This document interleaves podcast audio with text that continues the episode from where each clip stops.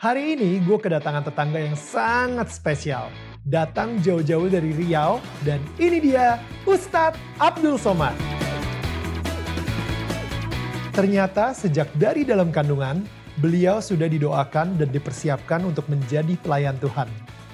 Akan tetapi, sebagai seorang ustadz, tidak luput dari badai yang menimpanya. Di sini, UAS akan bercerita tentang tahun 2019 dan bagaimana dia bisa bertahan melewati cobaan hidup yang sangat berat yang dialaminya. Inilah dia kisah tetangga kita.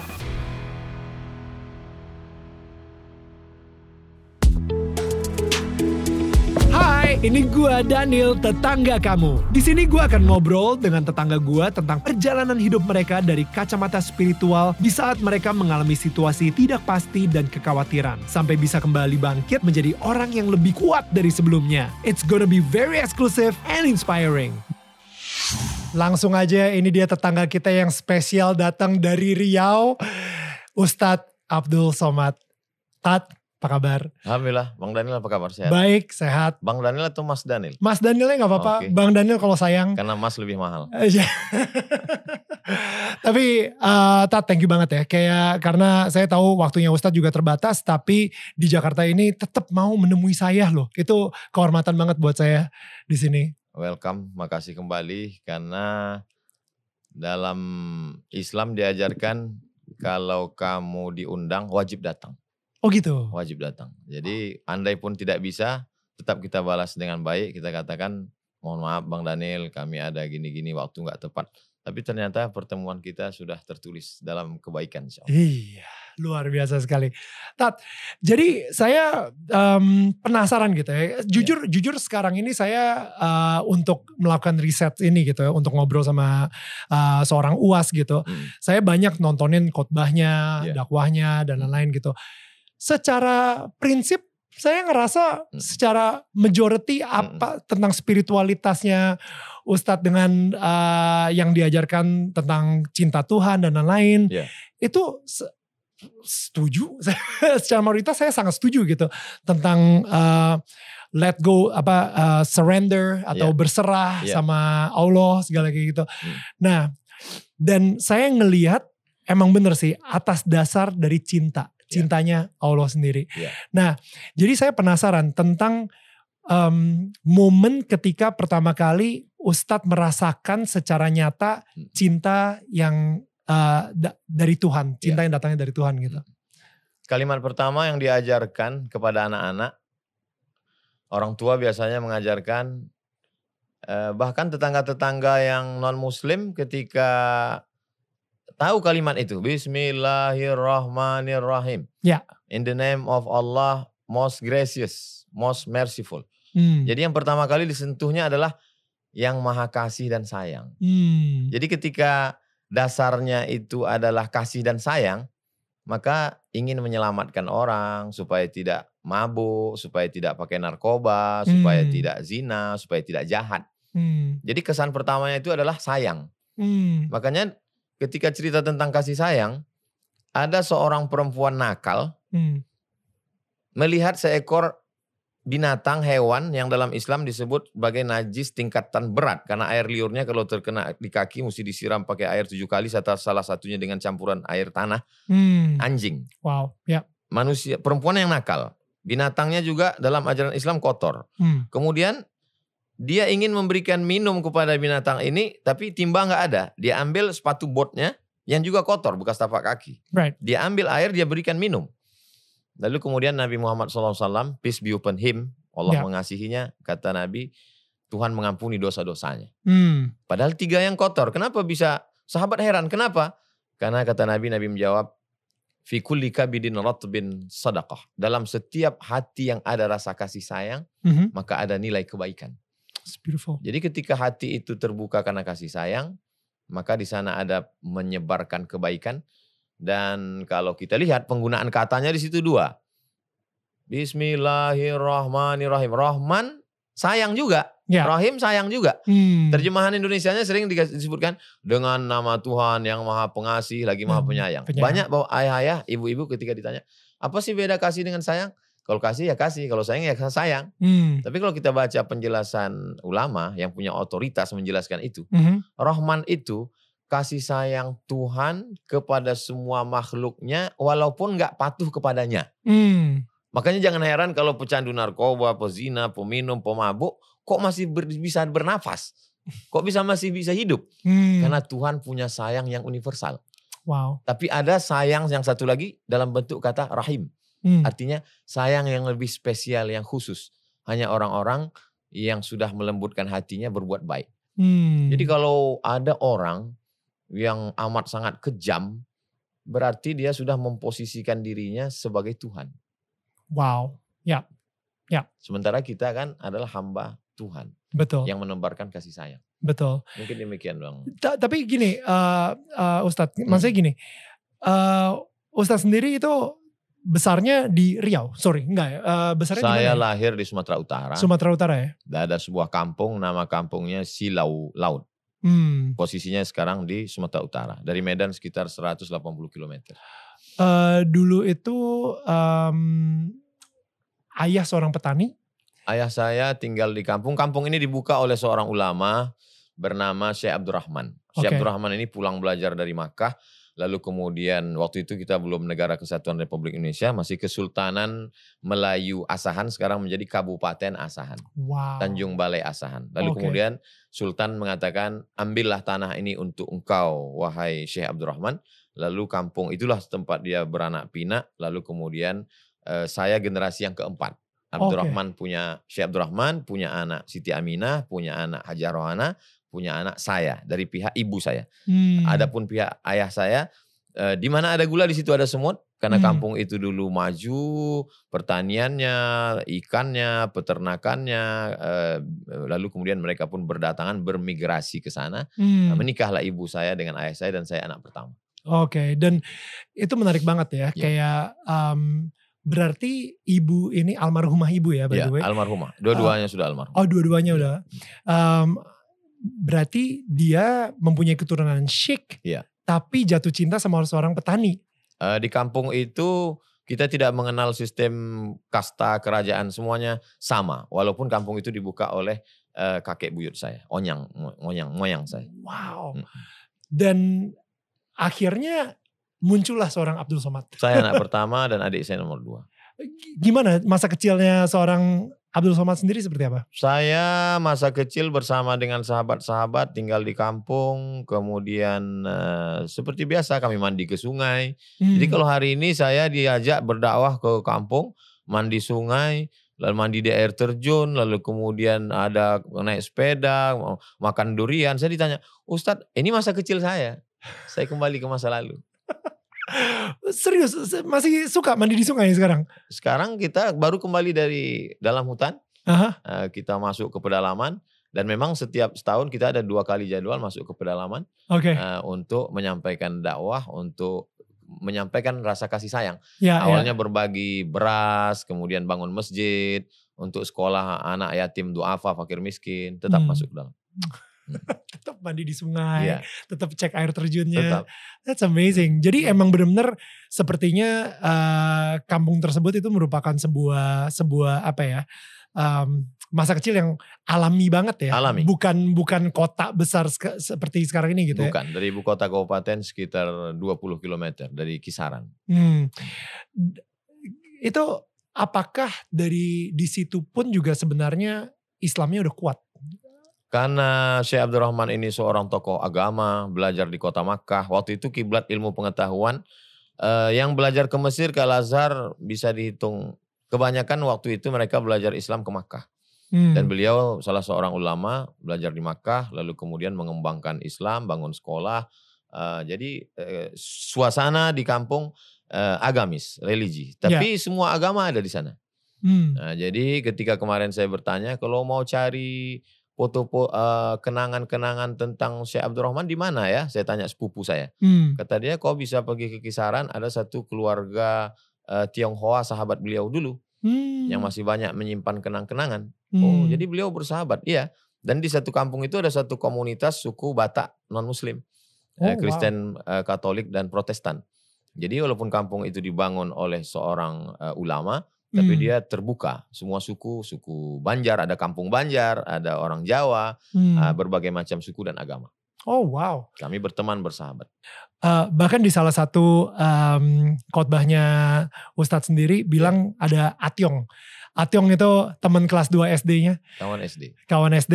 Eh, berarti emang saya jadi ngebayangin sih berarti di di kampung tersebut emang benar-benar beragam banget ya. Beragam. Heeh. Em, saya juga ngeliat gitu bahwa eh, sering lah kalau misalnya Ustadz ngomong di eh, khotbah itu tentang tentang pacaran lah, putus hati, putus cinta dan lain-lain gitu. Saya malah mikirnya wah gila nih Ustadz nih kayaknya pengalamannya banyak banget nih soal cinta nih. itu jadi saya makin penasaran Ah. gitu. Maksudnya benar-benar masa mudanya seorang WAS itu seperti apa sih kalau misalnya dari bukan soal cintanya gitu, tapi Iya. lebih ke em, pernah nggak sih kalau misalnya di daerah kampung tersebut apa na- senakal-nakalnya itu senakal seperti apa atau eh, gimana sampai akhirnya kayak Tuhan lah yang yang dengan kasih sayangnya Iya. menyentuh hati seorang Abdul Somad sampai akhirnya ini panggilan kamu untuk menjadi seorang ustadz kayak gitu. Nakalnya kita dulu kan tidak seperti nakal anak sekarang. Kalau kita baca itu gimana anak SD bisa memperkosa mohon maaf anak TK. Itu kan karena faktor ekstern yang luar biasa dari medsos. Ya. Dari tontonan, dari macam-macam. Ya. Kalau kita dulu kan nakal-nakal paling lambat pulang karena eh, pergi ke kolam tetangga lagi nguras ikan misalnya. Nanti orang tua minta maaf, mohon maaf tadi anak kami nguras kolam karena ngambil ikan lagi musim kemarau. Atau main layang-layang, nabrak tanaman orang. Paling nakalnya kan cuma begitu. Ya. Nah, jadi nakalnya itu masih ada batas-batasan.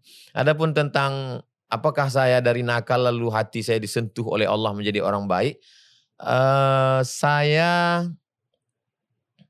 ketika ibu saya mengandung, cerita ibu saya, ibu dalam keadaan sakit keras. Lalu kemudian ibu datang ke pamannya. Yang membuka kampung itu Syekh Abdurrahman. Syekh Abdurrahman punya anak laki-laki namanya Syekh Muhammad Ali. Hmm. Lalu kata ibu saya, saya sakit ini, gimana? Kata Syekh Muhammad Ali, tolong baca ayat ini. Ibu saya baca saja ayat Quran itu. Dia tidak ngerti artinya. Hmm. Setelah saya sekolah, baru dia tanya, apa makna ayat ini? Apa bunyinya? Idh qalat imra'atu Imran rabbi inni laka ma fi batni. Oh ayat ini bercerita tentang Maryam, Oh, oke. Bunda Maria. Hmm. Bahwa ketika dia sedang, eh, dia punya ibu, Hmm. nama ibunya Hana. Hmm. Ketika Hana ini menikah dengan suaminya Imran, ada satu surat dalam Al-Quran namanya yang pertama Al-Fatihah, yang kedua Al-Baqarah, yang ketiga Al-Imran, keluarga Imran. Oke. Aku bernazar, nanti kalau aku punya anak, aku akan jadikan anakku ini sebagai servant of God, pelayan Tuhan. Wow. Dia tidak akan bertani, dia tidak akan beternak, dia tidak akan menjadi pegawai kerajaan, dia hanya menjadi pelayan Tuhan. Lalu kemudian ketika anak itu lahir, falamma wada'atha qalat inni wada'tuha unsa. Ternyata anak yang lahir ini perempuan. Sedangkan Hmm. waktu itu yang layak menjadi pelayan Tuhan adalah laki-laki. Hmm. Wa inni samaituha Maryam. Aku menamakannya Maryam. Hmm. Lalu apa korelasi ayat ini dibaca oleh seorang ibu yang hamil sedang sakit? Hmm. Lalu saya kaitkan, oh ternyata ayat ini amat sangat bagus dibaca oleh seorang ibu yang sedang mengandung anak karena korelasinya Hana mengandung seorang anak yang lama dirindukan, nanti anak ini akan terjaga terpelihara. Itulah Hmm. dia Maryam. Hmm. Jadi ketika ayat itu dibaca oleh ibu saya, berarti ibu saya secara tidak langsung sedang berdoa, nanti anakku ini kalau lahir dia akan menjadi pelayan Tuhan. Iya, iya, iya. iya. Tapi dan ini terlihat karena jadi pelayan Tuhan banget. Iya. Dari itu dari bacaan yang diberikan oleh Syekh Muhammad Ali. Hmm. Lalu kemudian ibu saya melapor ke ayahnya. Kata namanya eh, Nuruddin, Hmm. Nur Cahaya, Din Agama, Cahaya Agama. Kata kakek saya, cucuku banyak, tapi khusus yang ini dia mesti sekolah agama. Itu maka saya dari kecil sekolah saya bukan sekolah umum, sekolah agama. Oh. Nanti kalau umurku panjang, ini ada kebun kelapa. Kalau umurku panjang, aku akan biayai sekolah dia. Tapi nanti kalau aku mati, meninggal, kebun kelapa ini untuk membiayai sekolah dia. Hmm. Malang tak dapat ditolak, untung tak dapat diraih ketika kakek saya meninggal. Kebun kelapa itu pun akhirnya ikut mati juga. Terjual, satu dan lain hal. Hmm. Di situ saya melihat bagaimana kasih sayang Tuhan. Akhirnya saya bisa kuliah S1 Al-Azhar gratis. S2 Maroko gratis, Ya. S3 saya selesai, saya memperoleh visiting professor dari eh, Universitas Sultan Syarif Ali Brunei Darussalam. Wow. Saya yakin dan percaya itu adalah hadiah dari Tuhan untuk kelembutan hati kakek saya. Karena dia memberikan sesuatu untuk cucunya. Cucuku yang ini mesti menjadi pelayan Tuhan, menolong agamanya, maka Allah memberikan balasan itu. Ya, Saya yakin itu. ya, ya. Wow. Wow. Oh wow, that's amazing. Um, di mana di mana eh, jadi waktu kecil pun juga sebenarnya emang udah arahnya ke pelayan Tuhan ya berarti ya. Saya udah bukan ke arah petani ya. saya Bang eh, Daniel bukan ustadz jadi-jadian. Hmm. Jadi bukan misalnya ikutnya eh, foto model lalu kemudian karena bisa ngomong lalu mendadak jadi ustadz, bukan. Jadi memang saya sekolah saya sekolah agama. Dari kecil awal. saya memang sudah disetting untuk jadi Iya. orang yang belajar agama. Makanya Iya. ketika ada orang khawatir, ini jangan-jangan mau masuk politik, saya tekankan saya sampai mati jadi ustadz. Ya. Ustadz itu secara bahasa, ustadz dari bahasa Persia, eh, ustadz artinya orang yang punya ilmu. Secara umum, ustadz itu umum, cuman digunakan oleh eh, umat Islam menjadi orang yang mengerti ilmu agama. Hmm. Spesialisasinya di bidang agama. Hmm, hmm. Em, jadi ada ada nggak sih momen terendah di dalam hidupnya UAS gitu eh, yang ketika mungkin sebelum jadi ustadz atau mungkin eh, menyebarkan kasih sayang Tuhan ini ke luar gitu ya, Ya. di mana ustadz sendiri sempat merasakan banget gitu bahwa man ini ini momen terjatuhnya gue banget gitu. Momen down dalam hidup. Ibu saya pindah, lalu kemudian saya mesti tinggal dengan orang tua angkat. Dengan banyak sahabat-sahabat, kawan-kawan. Jadi saya pindah-pindah. Tahun 8, tahun 1977 saya lahir. Mhm. Tahun 1986 saya pindah ke ibu kota Kabupaten Asahan sampai Mhm. tamat SD. Setelah itu tahun 90 sampai 95 saya di Medan. Oke. Dari 95, 96 saya eh, ke Riau. Tapi orang tua saya sudah pindah duluan dari tahun 88. Umur berapa berarti saat itu ya? Eh, umur 11 tahun mungkin. 11 tahun ibu saya pindah. Tapi saya tidak ikut pindah ke Riau. Hmm. Saya bersama dengan keluarga, saya hidup dengan orang lain. Saya bersama Hmm. dengan sepupu. Tentu ketika dalam eh, anak yang pada usia 10 tahun, usia perlu kasih sayang. Sementara saya eh, mesti tinggal di rumah kakak ibu saya. Di Hmm. Medan saya tinggal di rumah orang tua angkat saya. Hmm. Sekarang baru saya paham. Kenapa Allah membuat hidup saya demikian? Supaya saya pandai merasakan perasaan orang lain. Maksudnya apa tuh? Kalau saya dibesarkan bersama ibu saya, saya tidak bisa merasakan perasaan orang lain.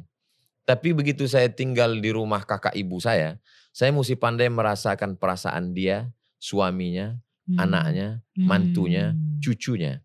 Lalu kemudian tahun 90 sampai 95 saya tinggal di Medan, di rumah Hmm. orang tua angkat saya. Di rumah itu sebanyak 25 orang. Hmm. Saya mesti pandai merasakan perasaan ayah angkat saya, ibu angkat saya, anaknya dua, menantunya, cucunya, babysitternya, drivernya, koki tukang masaknya. Wow. Sehingga saya bisa berhubungan baik dengan orang, bagaimana saya bisa merasakan perasaan orang lain. Hmm. Saya yakin dan percaya Allah mempersiapkan hidup saya agar saya bisa merasakan perasaan orang lain supaya saya tidak membenci orang lain, supaya saya bisa menebarkan kasih sayang buat orang lain. Wow. Jadi waktu ibu meninggal itu juga mungkin bisa dibilang saat yang paling down juga kali ya untuk seorang was. Pilpres bulan April, Mhm. ibu meninggal bulan Maret. Hmm. Jadi pukulan beruntun. Karena begitu ibu meninggal bulan Maret, datang bulan April, fitnah besar itu terjadi buat saya. Saya tidak ada Hmm. kampanye, saya hanya bertemu dengan salah satu paslon saja. Hmm. Tapi efek ke diri saya luar biasa. Hmm. Sampai lepas dari PNS dan lain sebagainya. Hmm. Saya jatuh pada titik terendah. Di situlah saya yang selama ini hanya tahu teks, menghafal ayatnya, mengajarkannya. Di situ saya benar-benar mengamalkannya untuk menemukan rasanya. Hmm. Karena saat itu saya tidak berceramah. Saya sedang mengalaminya dalam diri saya. Hmm. Kalau selama ini saya menasihati orang, wasta'inu bis sabri was salah. Menghadapi hidup kamu mesti punya dua. Yang pertama sabar. Hmm. Tahan pikiran, tahan hati, tahan lisan. Hmm. Jangan buruk sangka pada Tuhan. Mesti banyak sholat, mesti banyak doa, mesti banyak mendekatkan diri, mesti banyak baca Quran, mesti banyak zikir, ingat, eling. Saat itu saya mesti menceramahi diri saya sendiri, Hmm. mencobanya, melakukannya, dan hari-hari itu terlewati. Itu saya bisa hidup sampai hari ini. Saya yakin dan percaya karena Allah masih sayang dengan saya. boleh dikasih tau, dikasih tahu nggak prosesnya sendiri? Maksudnya itu bertubi-tubi banget. Maksudnya sekarang ini eh khususnya di zaman pandemi banyak banget orang yang merasa kehilangan, Ya. kehilangan orang kesayangan. Betul. Dan tiba-tiba ada beberapa cerita dari teman saya yang ternyata bokap gue ninggalin hutang segini banyak. Jadi bertubi-tubi tuh. Ya. Eh, atau tiba-tiba gue nemu keluarga baru dari siapa gitu yang bokap gue gak pernah cerita. Eh, dan apa ya, mungkin itu yang mungkin dis- per- yang dialamin so- oleh UAS juga gitu. Di mana Hmm. kayak yang tadinya ibu, well, ibu meninggal itu udah sebuah Mm. eh, hantaman yang sangat berat banget. Ya. Abis itu ada pembunuhan karakter juga Ya, gitu kan, ya. atau fitnah gitu. Ya. Dan itu bertubi-tubi banget gitu. eh boleh ceritain prosesnya ketika ya tadi ya kayak Ustadz bilang bisa terus bertahan sampai hari ini hidup dan masih waras, Ya. gak gila. Ya. Eh, Karena ya karena apa aja harus ngelewatin apa aja. I, I know kayaknya mungkin ini kan cerita 2019 gitu tapi dan itu mungkin 6 bulan tapi kita coba kompres dalam 5 menit gitu. misalnya. Kehilangan itu kata orang nanti dengan berjalannya waktu akan sembuh. ya. Itu bagi orang yang tidak merasa kehilangan. Dia hanya Hmm. membaca teori tentang kehilangan. Sebenarnya sembuh itu tidak akan pernah ada bagi orang kehilangan. Tapi Allah akan mengganti dengan sesuatu yang lain. Jadi kalau ada kehilangan ibu, mungkin dia akan tergantikan dengan ketika dia punya anak. Hmm. Kasih sayang lagi. Hmm. Ada kasih sayang ibu yang hilang, digantikan oleh kasih sayang. Jadi apa yang saya lakukan adalah meneruskan semua yang pernah dilakukan ibu saya dulu. Hmm. Dengan melakukan yang dia lakukan itu, walaupun dia sudah tidak ada, saya merasakan dia seperti ada. Dulu dia kalau saya pulang, dia selalu cerita, itu ada pembantu si Anu, masak di sana, jalan kaki. Hmm. Saya sudah nangkap nih, lima menit dia ngomong, dua menit saya udah ngo- nangkap. Oh maksudnya tolong belikan sepeda untuk ngasih dia. Hmm. Dia kasihan, cuman dia ngomongnya nggak to the point. Hmm. Tadi aku jalan-jalan ke belakang ada orang nyewa rumah. Dia tinggal suaminya nggak ada, udah tiga bulan nggak bayar. Saya langsung aja tuh, berapa satu bulan itu berapa nih kasih kasih. Jadi apa yang saya lakukan setelah itu, saya buat yayasan, yayasan wakaf Hajah Rohana. Hmm. Ya. Lalu kemudian eh, saya buat seperti yang dia lakukan dulu. Hmm. Dia selalu masukkan beras dalam plastik, dia bagikan. Jadi ketika saya melakukan itu, ada suatu kekuatan. Ya. Saya yakin dan percaya, mungkin karena doa orang yang mendapatkan beras, dibayarkan uang sekolah, dibayarkan listrik, Hmm. sudah dari sejak meninggal sampai sekarang terus berlanjut. eh, 300 paket dalam Hmm. satu bulan, sembako dan lain sebagainya, eh, biaya anak sekolah. Saya yakin dan percaya, kekuatan kasih sayang dia yang saya teruskan menguatkan hati saya. Hmm. Allah menurunkan kasih sayang sehingga saya menjadi kuat. Hmm. Kekuatan itu adalah kekuatan kasih sayang. Hmm. Karena ada juga kalau kita tonton film-film barat itu kekuatannya kan dari kebencian dan balas dendam. Betul. Karena masa kecilnya disakiti atau karena pernah dilecehkan lalu membalasnya. Betul.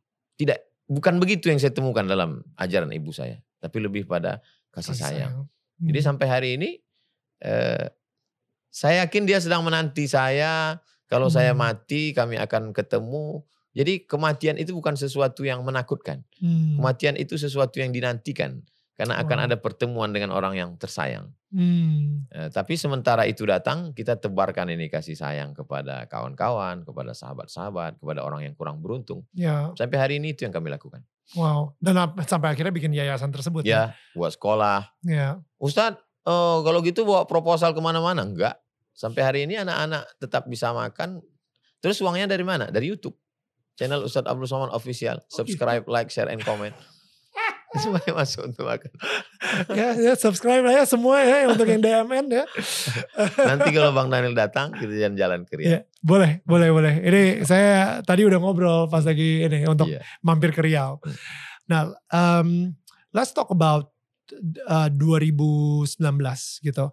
Nah 2019 itu emang sih saya ngelihat viral banget si uh, jujur nih Tat, saya bukan orang yang pembaca media. Saya bukan orang wah ini abis itu saya langsung ngeliat kayak media ini saya cek Google dan lain-lain. Saya nggak, saya bukan tipe orang yang seperti itu. Bahkan tahun 2019 ketika uh, ada orang yang bilang bahwa nih men Ustadz Abdul Somad bilang uh, ada jin kafir di salib Yesus gitu kan. Hmm. Itu saya nggak persu. Saya benar-benar kayak ya udahlah hak-haknya dia aja kalau misalnya dia mau apa terserah gitu. Hmm. Sampai akhirnya tadi pagi baru saya memberanikan diri untuk nonton video tersebut. Yeah. Iya. Uh, ketika saya nonton, uh, saya ngerasa gini ya, ada ada dua momen di mana Ustadz nih kayak terkena masalah gitu. Dan dua momen tersebut adalah ketika Ustadz lagi menjawab pertanyaan dari orang. bukan dari dakwahnya ya. atau bukan dari khotbahnya. Bukan Khot tablik akbar di tengah lapang stadion Betul. di depan orang banyak di televisi. Betul. Tapi pertanyaan menjawab pada kajian subuh bukan tema utama. Betul. Kajian tertutup hanya kaum muslimin di dalam masjid subuh. Betul. Dan itu dini. Lalu kemudian saya pun tidak ingat rekaman itu mungkin sekitar 2015 atau 2016. Wow. Tapi karena politik dan lain sebagainya bisa didapat. Saya sendiri pun tak punya rekaman itu. Wow. Lalu dipotong, dikat, diedit dan lain sebagainya. Wow. Uh, bagian dari dan saya jelaskan di Majelis Ulama Indonesia ya, ya. bahwa saya menjelaskan pertanyaan itu ceritanya panjang, bla bla dan seterusnya. Ya. Dan uh, sampai hari ini tentu kita tidak bisa memaksa orang untuk untuk aku tidak perlu menjelaskan siapa diriku kepada musuhku karena dia tidak akan pernah berubah dan tidak perlu menjelaskan kepada sahabatku karena dia sudah terlanjur mencintai aku. Hmm. Nah, jadi yang kita lakukan hanya klarifikasi. Ya. Tabayun setelah kita jelaskan melalui tentu saya yang bukan punya lembaga apa-apa saya jelaskan melalui Majelis Ulama Indonesia hmm. pada tahun 2019. Hmm. Kasus itu bulan Agustus. Jadi hmm. ibu meninggal bulan Maret, bulan April uh, politik, hmm. Mei, Juni, Juli tidak ceramah, hilang sama sekali semua hmm. off karena hmm. hiruk pikuk ini. Juni, Juli, Agustus saya keluar seminggu datang isu itu. Nah, Agustus. Ya. Diserang banget. Dan ya. 2019 tuh kayaknya banyak banget peristiwa sih. Yang Agustus. saya lihat itu kayak tekanan tekanan tuh benar-benar kayak bertubi-tubi datangnya Betul. gitu ya. Maret, April, Mei, Juni, Juli, Agustus. 6 bulan itu sesuatu yang luar biasa. Hmm. Tapi hikmahnya eh, di situ saya menyelesaikan disertasi S3 saya. Karena tidak ada semuanya off, semua saya bilang tim, saya mau fokus nulis. Jadi kerja saya waktu itu nulis, masuk waktu azan, sholat, makan, nulis, sholat, makan. Hmm, oke. Okay. Eh, oke, okay. jadi saya pengen ya, intinya jangan berhenti bergerak. Itu, ya. Maka ada ungkapan fikuli harakah barakah. Dalam setiap gerak di situ ada berkah dari Tuhan. Hmm. Ketika be, tidak bergerak hanya uh, di tempat tidur, Depresi. menanti kematian datang, ya. kita sudah mati sebelum malaikat maut datang. Uh, ya. Jangan berhenti bergerak karena ya desertasi S3 pun juga akhirnya di itu itu adalah salah satu dari ya. produktivitas juga ya. gitu kan. Maka diajarkan dalam Islam asa antakarahu syai'an boleh jadi kau benci sesuatu. Wa Allah fi khairan katsira di balik itu ada sesuatu yang baik yang kamu tidak tahu. Ada hmm. rencana hmm. Tuhan yang lebih indah. Hmm. Ya, jadi dulu waktu saya buka-buka lemari orang tua dapat satu buku uh, Cobb Chicken Soup for the Soul. Oh, Chicken Soup for the Soul. Bukunya sudah lama sekali. Kita yeah. tahun 92, saya kelas 2 SMP di Medan. Yeah, yeah. Pas dapat tuh saya buka-buka satu cerita yang saya ingat ada seleksi untuk menjadi astronot. 3000 orang dites jadi 300 dari 300 jadi 30 lulus dan satu orang ini nggak lulus. Hmm. Ketika pesawat itu berangkat, dia tonton TV dengan tetesan air mata karena dia sudah malu keluar rumah. Tiba-tiba dalam hitungan detik pesawat itu meledak hmm. dan dia mengatakan, terima kasih Tuhan, untung saya nggak lulus. Wow. Ya. Nah, jadi sebenarnya buku itu kan tidak mengajak pembaca untuk marilah begini, marilah begono, hmm. enggak.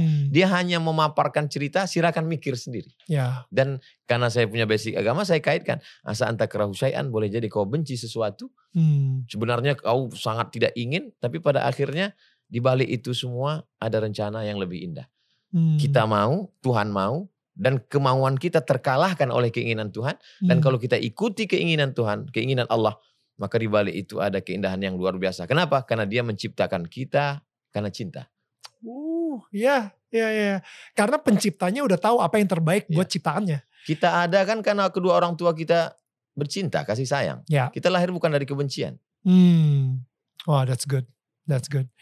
Um, jadi karena kita balik lagi ya ngomongin soal uh, let's say di salib Yesus ada jin kafir, tapi saya ngerasa itu bukan maksudnya dari Ustadz juga gitu, menurut saya. Jadi setelah beberapa masa, Bang Ya. Daniel, kan muncul beberapa pendeta memberikan eh, penjelasan yang hampir sama. Kalau Hmm. Bang Daniel tonton, ada yang beberapa menjelaskan bahwa ternyata di dalam eh, aliran-aliran agama Kristen sendiri tidak satu pendapat tentang Hmm. masalah bahwa di patung. Patung, Eh, kalau ya. Bang Daniel ikuti video-video lain Betul. Jadi Hmm. kalau misalnya kita ngomongin karena saya yang saya tangkep adalah lebih ke patungnya, Iya. bukan ke Yesusnya gitu. Iya. Nah jadi di sini mungkin saya pengen nanya tentang Kalau dalam Islam itu dua surat khusus untuk Yesus. Surat hmm, yang pertama Al Imran, hmm, keluarga Imran. Keluarga Imran itu kronologisnya adalah orang Kristen Najran mhm, datang menemui Nabi Muhammad untuk menanyakan bagaimana sih status Yesus dalam Islam. hmm, Maka turunlah surat itu menjelaskan. Yang kedua adalah surat Maryam. hmm, Setelah Al-Kahfi, surat Maryam menjelaskan memang nama dia sendiri. Seandainya Quran itu buatan Nabi Muhammad SAW, pasti nah di dalamnya surat Aminah nama ibu dia. hmm, Tapi justru hmm, khusus bercerita tentang uh, bagaimana uh, status kedudukan Nabi Isa dan Maryam. Nah, itu. Hmm, jadi bagaimana image saya saya justru penasaran sih. Saya pengen nanya banget nih sama Iya. UAS juga gitu ya. Eh, Isa Al-Masih itu untuk seorang UAS itu seperti apa sih? Kami wajib mengimani siapa yang tidak percaya kepada Nabi Isa, berarti dia tidak percaya kepada Quran, tidak percaya kepada Nabi Muhammad. Hmm, Tapi keyakinan kami kepada dia adalah mal masihu ibnu maryam illa rasul. Dia Hmm. adalah seorang rasul utusan Tuhan. hmm, Sama seperti Nabi Adam, Idris, Nuh, Soleh, Ya. Ilyas yang diutus kepada Bani Israel untuk uh, menyelamatkan manusia. Jadi kami tidak mungkin menuduh yang tidak-tidak kepada Maryam, kepada orang Yahudi menuduh, mohon maaf, tidak layak. Orang Yahudi menuduh Maryam adalah pezina. hmm, Maka lahirlah seorang anak zina. hmm, Dalam Islam dibersihkan tuduhan itu semua. hmm, Makanya dalam surat Maryam itu dijelaskan begitu detailnya. Saat dia melahirkan anaknya itu, maka datanglah pendeta-pendeta Yahudi. Apa kata mereka? Maka anak abu kimra'a sau'in. Bapakmu kan, Maryam bapakmu kan bukan orang jahat. hmm, Wa makanat ummuki baghiyah. Ibumu juga bukan wanita tunasusila. Ayat itu kalau dilanjutkan, wow, bapakmu bukan orang jahat, ibumu bukan wanita tunasusila. Kok bisa kamu hamil wow, tanpa suami? Kok kamu punya anak? hmm, Tapi saat itu Maryam eh, dia diam fa'asyarat ilaih. Dia hanya menunjuk kepada eh, bayinya hmm, dan terjadilah mukjizat anak itu berkata, "Inni Abdullah, aku adalah hamba Tuhan. Atani alkitab, Tuhan memberikan Alkitab kepadaku. hmm, Mubarakan ainama kuntu, aku diberkahi di mana pun aku berada." Jadi Islam menempatkan Nabi Isa dalam ajaran Islam. Kita Ya. bicara tentang konteks ajaran Ya. Islam, menempatkan Nabi Isa tidak sebagai anak zina, tapi dia sebagai rasul utusan Allah, membersihkan dari tuduhan-tuduhan yang di eh, yang diserang hmm, oleh orang Yahudi kepada eh, hmm, Nabi Isa alaihissalam. Jadi tidak amat sangat tidak mungkin ada orang Islam melecehkan Maryam dan Isa. Kenapa? hmm, Karena di dalam Islam mereka adalah eh, wanita yang solihah, hmm, eh, seorang nabi, orang yang baik. hmm, Demikian kami mem- memandang Nabi Isa. hmm, Jadi intinya kesimpulannya substansi maknanya tidak ada orang Islam yang akan mencela Nabi Isa dan Maryam karena mereka di dalam Al-Qur'an disebut sebagai ibunya perempuan siddiqah wa ummuhu siddiqah perempuan yang benar, yang jujur, yang baik, yang solihah melahirkan seorang anak laki-laki yang salah satu rasul utusan Nabi utusan Allah. Hmm, hmm. Em, kalau dari Ustadz sendiri nih ngomongin soal kemarin kan di eh, yang ke Singapura, habis itu eh sorry bukan deportasi ya, tapi tidak tidak berhasil masuk Singapura lah intinya seperti itu. Perdebatan masalah deportasi atau tidak deportasi adalah kalau orang yang belum dapat izin masuk tidak disebut deportasi. Hmm, Apakah Abdul Somad sudah dapat izin masuk? Iya, udah. bisa dilihat. Saya minta putarkan kamera CCTV Hmm, bahwa sudah mereka sudah nunggu koper hampir satu jam mereka. hmm, Saya sudah hampir keluar. Lalu kemudian ditarik lagi ke dalam, lalu mereka itu semua ditarik lagi keluar. hmm, hmm. Itulah yang terjadi. Dan akhirnya ini masyarakat atau pendukungnya UAS gitu ya keluar dengan hashtag boykot Singapura gitu ya. Itu sebenarnya bagaimana perasaan UAS sendiri soal itu? Kita bangsa besar, bangsa yang merdeka, pernah menghadapi berbagai macam. Jadi saya ingin kita sebagai negara yang bertetangga saling menghormati. Kalau dituduhkan Abdul Somad tidak boleh masuk karena dia ingin mengajarkan suatu ajaran, aliran, saya datangkan liburan dengan anak istri saya. Saya bawa Hmm. bayi umur umur tiga bulan, empat bulan. Hmm, Lalu kemudian kalau diajar Abdul Somad ini orangnya radikal. Itu kan ada konsulat Singapura di Pekanbaru. hmm, Kampung saya itu Pekanbaru. Hmm. Apa ada orang Singapura yang mati dibunuh gara-gara ajaran Abdul Somad? Kami hidup damai di Ya. Pekanbaru. Pekanbaru. Makanya ketika saya ceramah di Bali, ditolak oleh sekelompok oknum orang, Raja Bali, Concorde, datang di masjid untuk menjaga saya. Wow. Rajanya Raja Bali langsung silakan ceramah Ustaz Abdul Somad. Mereka tahu bahwa di Riau di dekat airport ada satu rumah ibadah Hmm, saudara kita Hindu tegak berdiri tidak ada yang mengganggu. Wow. Kita hidup kenapa kita eh, mesti berkelahi cakar-cakaran hanya karena medsos, hanya karena buzzer, hanya karena orang yang makan dari gagal paham. Hmm. Kalau orang tidak paham kita kasih paham. Tapi kalau orang memang hidupnya untuk gagal paham itu sulit. Ya, ya, ya, ya. Berat, berat. Tapi kalau misalnya ngomongin soal radikalisme ya, uh, what do you think of it? Radikalisme adalah isu yang amat sangat menarik untuk dijadikan eh, sebagai eh, labeling. Hmm, Jadi ketika saya tidak suka dengan seseorang, maka saya akan katakan kamu radikal, hmm, kamu aliran radikal. Jadi biasanya kalau kita nggak suka dengan orang, kita cari apa kata yang paling enak untuk kita labelkan ke kita taruh di satu box ini aja deh. Kita tulis, kita lengketkan di belakangnya, Hmm, sehingga semua orang lihat, ya itu radikal. hmm, Tapi orang lupa, bad news, good news. Berita yang tidak baik itu iklan gratis. Nah. Ustaz sama nanti kita di Jakarta, kita insya Allah ngobrol dengan Bang Daniel. Saya nggak lihat internet, saya, saya langsung sembahyang, sembahyang MTV. Oh. Oh Bang Daniel, M, Bang Daniel MTV dulu, oh iya. Oh yang juri Idol. uh, host, Uh, host, host host idol Uh, iya hmm, cuman pas ketemu kaget kok nggak tua-tua Ya, ini uh, muda radikal ya kalau ini. radikal bebas radikal bebas. Ya, jadi um, labeling itu emang emang kayaknya ya pembunuhan karakter sih Ya. pastinya. Ya. Tapi pandangan Ustadz sendiri soal radikalisme gitu ya, um, karena kan tadi kayak dibilang wah ini ekstremis nih makanya nggak boleh masuk Singapura gitu. Tapi sebenarnya pemikiran UAS sendiri soal itu gimana? setiap agama setiap aliran ada kelompok ekstrimnya Mhm. Setuju. kajilah semua Setuju. dari mulai ekstrim Hindu ekstrim Kristen ekstrim Buddha, Buddha, ya. ekstrim Setuju. ba- kalau kita mau baca tapi apakah kita bisa sweeping hanya karena satu digigit semut lalu kita bakar itu satu pohon semua semut salah kita tidak Hmm. adil Hmm. di mana letak rasa kasih sayang kita Hmm. kita mesti pilih-pilih Hmm. Lalu, apakah Abdul Somad itu radikal, mengajarkan kekerasan, siapa yang tidak sekeyakinan dia, dia pancung kepalanya? Ya, kajilah. Hmm. Tontonlah videonya dari A sampai Z, jangan Ya. tonton potongan-potongan. Ya. Lalu kemudian datangi kampungnya, lihat. Lihat siapa saja teman dia. Dia pernah nggak bertetangga dengan non-muslim? Pernah tak Hmm. dia dengan... Dalam perjalanan ke sini, WA masuk. Hmm. Mat, tolong kirim abang eh, bingkisan. Masa cuman abangku aja yang dapat? Non muslim, Hmm. tetangga kecil saya, sahabat saya. Karena saya dapat kain sarung, kain sarung tuh unik, warnanya warna tentara. Kalau saya pakai sholat kan nanti dilihat cangka orang saya tentara.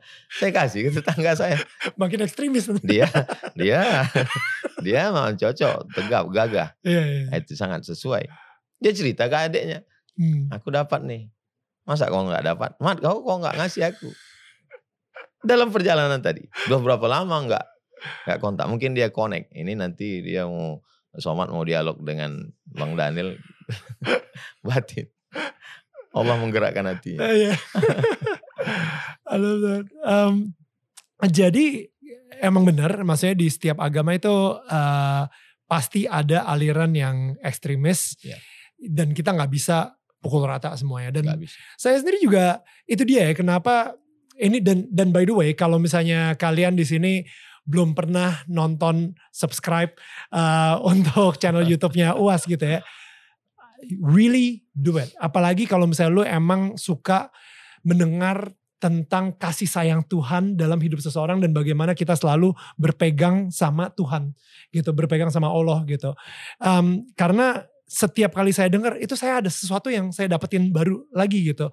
Saya hari ini hari ini saya maraton nih eh, dengerin dengerin kajiannya Ustadz tuh sampai empat atau lima kali maraton dan semuanya sama. Sekarang kita duduk bersama hmm, dan kita bukan dari aliran ekstrim. hmm, Tapi ketika penonton yang rambutnya sama hitam, isinya macam-macam, hmm, akan muncul dua komen.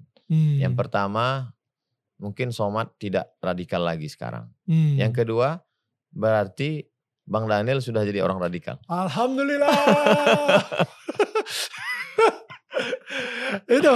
Pokoknya banyak banget komentar-komentar. Ini nanti kita foto aja ya kita taruh di Instagram. Wah alhamdulillah Daniel bakal dapat hidayah gitu kan. Ya, ya udah udah udah udah biasa udah biasa udah biasa. Em, tapi ya itu maksudnya saya saya ngerasa kayak em, emang kak mungkin mungkin yang pengen saya tanyakan adalah eh, kepada orang-orang di Indonesia yang ekstremis, yang yang mengharapkan bahwa suatu saat kita berideologi syariah bukan lagi Pancasila. Apa pendapat UAS sendiri ke mereka dan mungkin apa pesan UAS sendiri ke mereka gitu? Pancasila itu kesepakatan founding father, pendiri bangsa ini, Ya. yang terdiri dari para ulama, Hmm. orang nasionalis, religius, agamis. Mereka berkumpul menemukan titik temu. Karena kalau kita pakai nama syariat Islam, saudara-saudara kita yang berada dari timur tidak mau Hmm. karena kesalah pengertian. Waktu itu kan tidak seperti zaman sekarang dengan satu kali podcast selesai. Sedangkan Hmm. sekarang pun nggak selesai juga masalah. Hmm. Apalagi zaman itu. Menghadapi Belanda, menghadapi Jepang, menghadapi komunis. Maka ditemukanlah satu titik temu. Pancasila, ketuhanan yang Maha Esa, kemanusiaan dan adil beradab, persatuan Indonesia, kerakyatan yang dipimpin oleh hikmat kebijaksanaan dalam permusyawaratan perwakilan, keadilan sosial bagi seluruh rakyat Indonesia. Itu adalah kalau dalam bahasa Islamnya kalimatun sawa, titik temu supaya kita bisa bersama.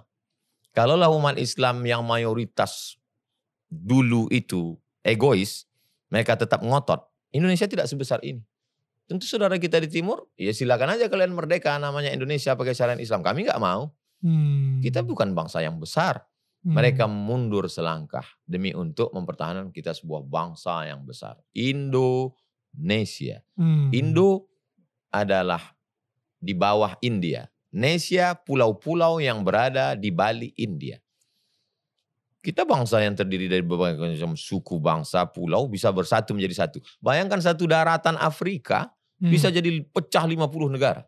Eropa yang begitu hebat daratan bisa pecah. Hmm. Prancis nggak mau disebut orang Inggris. Hmm. Orang Jerman juga nggak mau disebut orang Prancis. Kita bisa nyatu orang Aceh yang bahasa Aceh kalau ngomong orang Aceh nggak mungkin paham orang Banjar. Hmm. Bisanya mereka mengalahkan keacehannya, kebanjarannya pas nulis buku pakai bahasa Melayu. Hmm. Orang bahasa Melayu yang dipakai. Hmm. Hari ini kalau kita mempertahankan keegoan kita, kita nggak ketemu bang. Hmm. Justru kita pakai bahasa Inggris. Ya. Tapi kita pakai bahasa yang ada produk di kita, bahasa Melayu. Jadi Hmm. kebersamaan, keberaneka kita ini adalah sesuatu kekuatan yang luar biasa kalau kita jaga. Hmm. Jadi yang sudah dijaga oleh ulama dulu, kenapa mesti kita rusak sekarang? Hmm. Hmm. Siapa kita? Emang kita lebih soleh dari mereka? Hmm. Emang kita lebih alim dari Hadratus Syekh Hashim Ash'ari, Kiai Haji Ahmad Dahlan, para Hmm. ulama-ulama dulu. Mereka itu ibadahnya luar biasa, ilmunya luar biasa. Hmm. Mereka tetap bisa menjaga kebersamaan, kedamaian. Hmm. Apa yang melatari belakang itu semua? Kasih sayang. Hmm. Wa arsalna ka ila rahmatan. Aku utus engkau ya Muhammad rahmat menjadi kasih sayang. Hmm. Lil alamin. Tidak dibilang kamu kasih sayang hanya untuk manusia saja. Kamu kasih sayang hanya untuk muslim saja. Enggak. Lil alamin. Untuk semesta alam. Semesta alam dapat kasih sayangnya. Makanya kalau ada orang rajin sholat, rajin puasa, motong pohon kayu, bakar hutan. Saya sampai hari ini Bang Daniel. Iya. Belum pernah ikut sholat minta hujan. Kenapa? Karena kalau acara sholat minta hujan, yang bakar hutan itu kan ikut sholat. Wow. Dia yang bakar, dia yang ngundang. Saya Ya. nggak mau.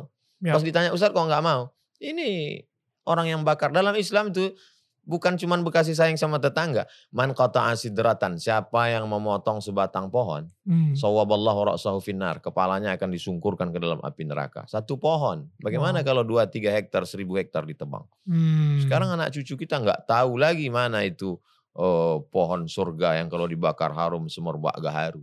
Hmm. Hmm. Jadi kalau dasarnya adalah kasih sayang, dia tidak akan menghancurkan. Hmm. Menghancurkan pohon aja nggak boleh, apalagi menghancurkan manusia, negara. Hmm. Hmm. Kita jaga pupuk kasih sayang. Hmm. Semoga podcast biar bicara dialog kita dari ya, dari dari sudut yang berbeda ini memupuk kasih sayang. Ya. Bahwa nanti setelah ini imbasnya eh, Bang Daniel jadi eh, Fiji radikal itu berarti efek efek efek efek netizen. netizen lebih kejam dari Ibu Tiri. Iya. What a story. Guys, thank you for listening to this podcast. Tapi tenang, ini baru part pertama. Masih ada part selanjutnya.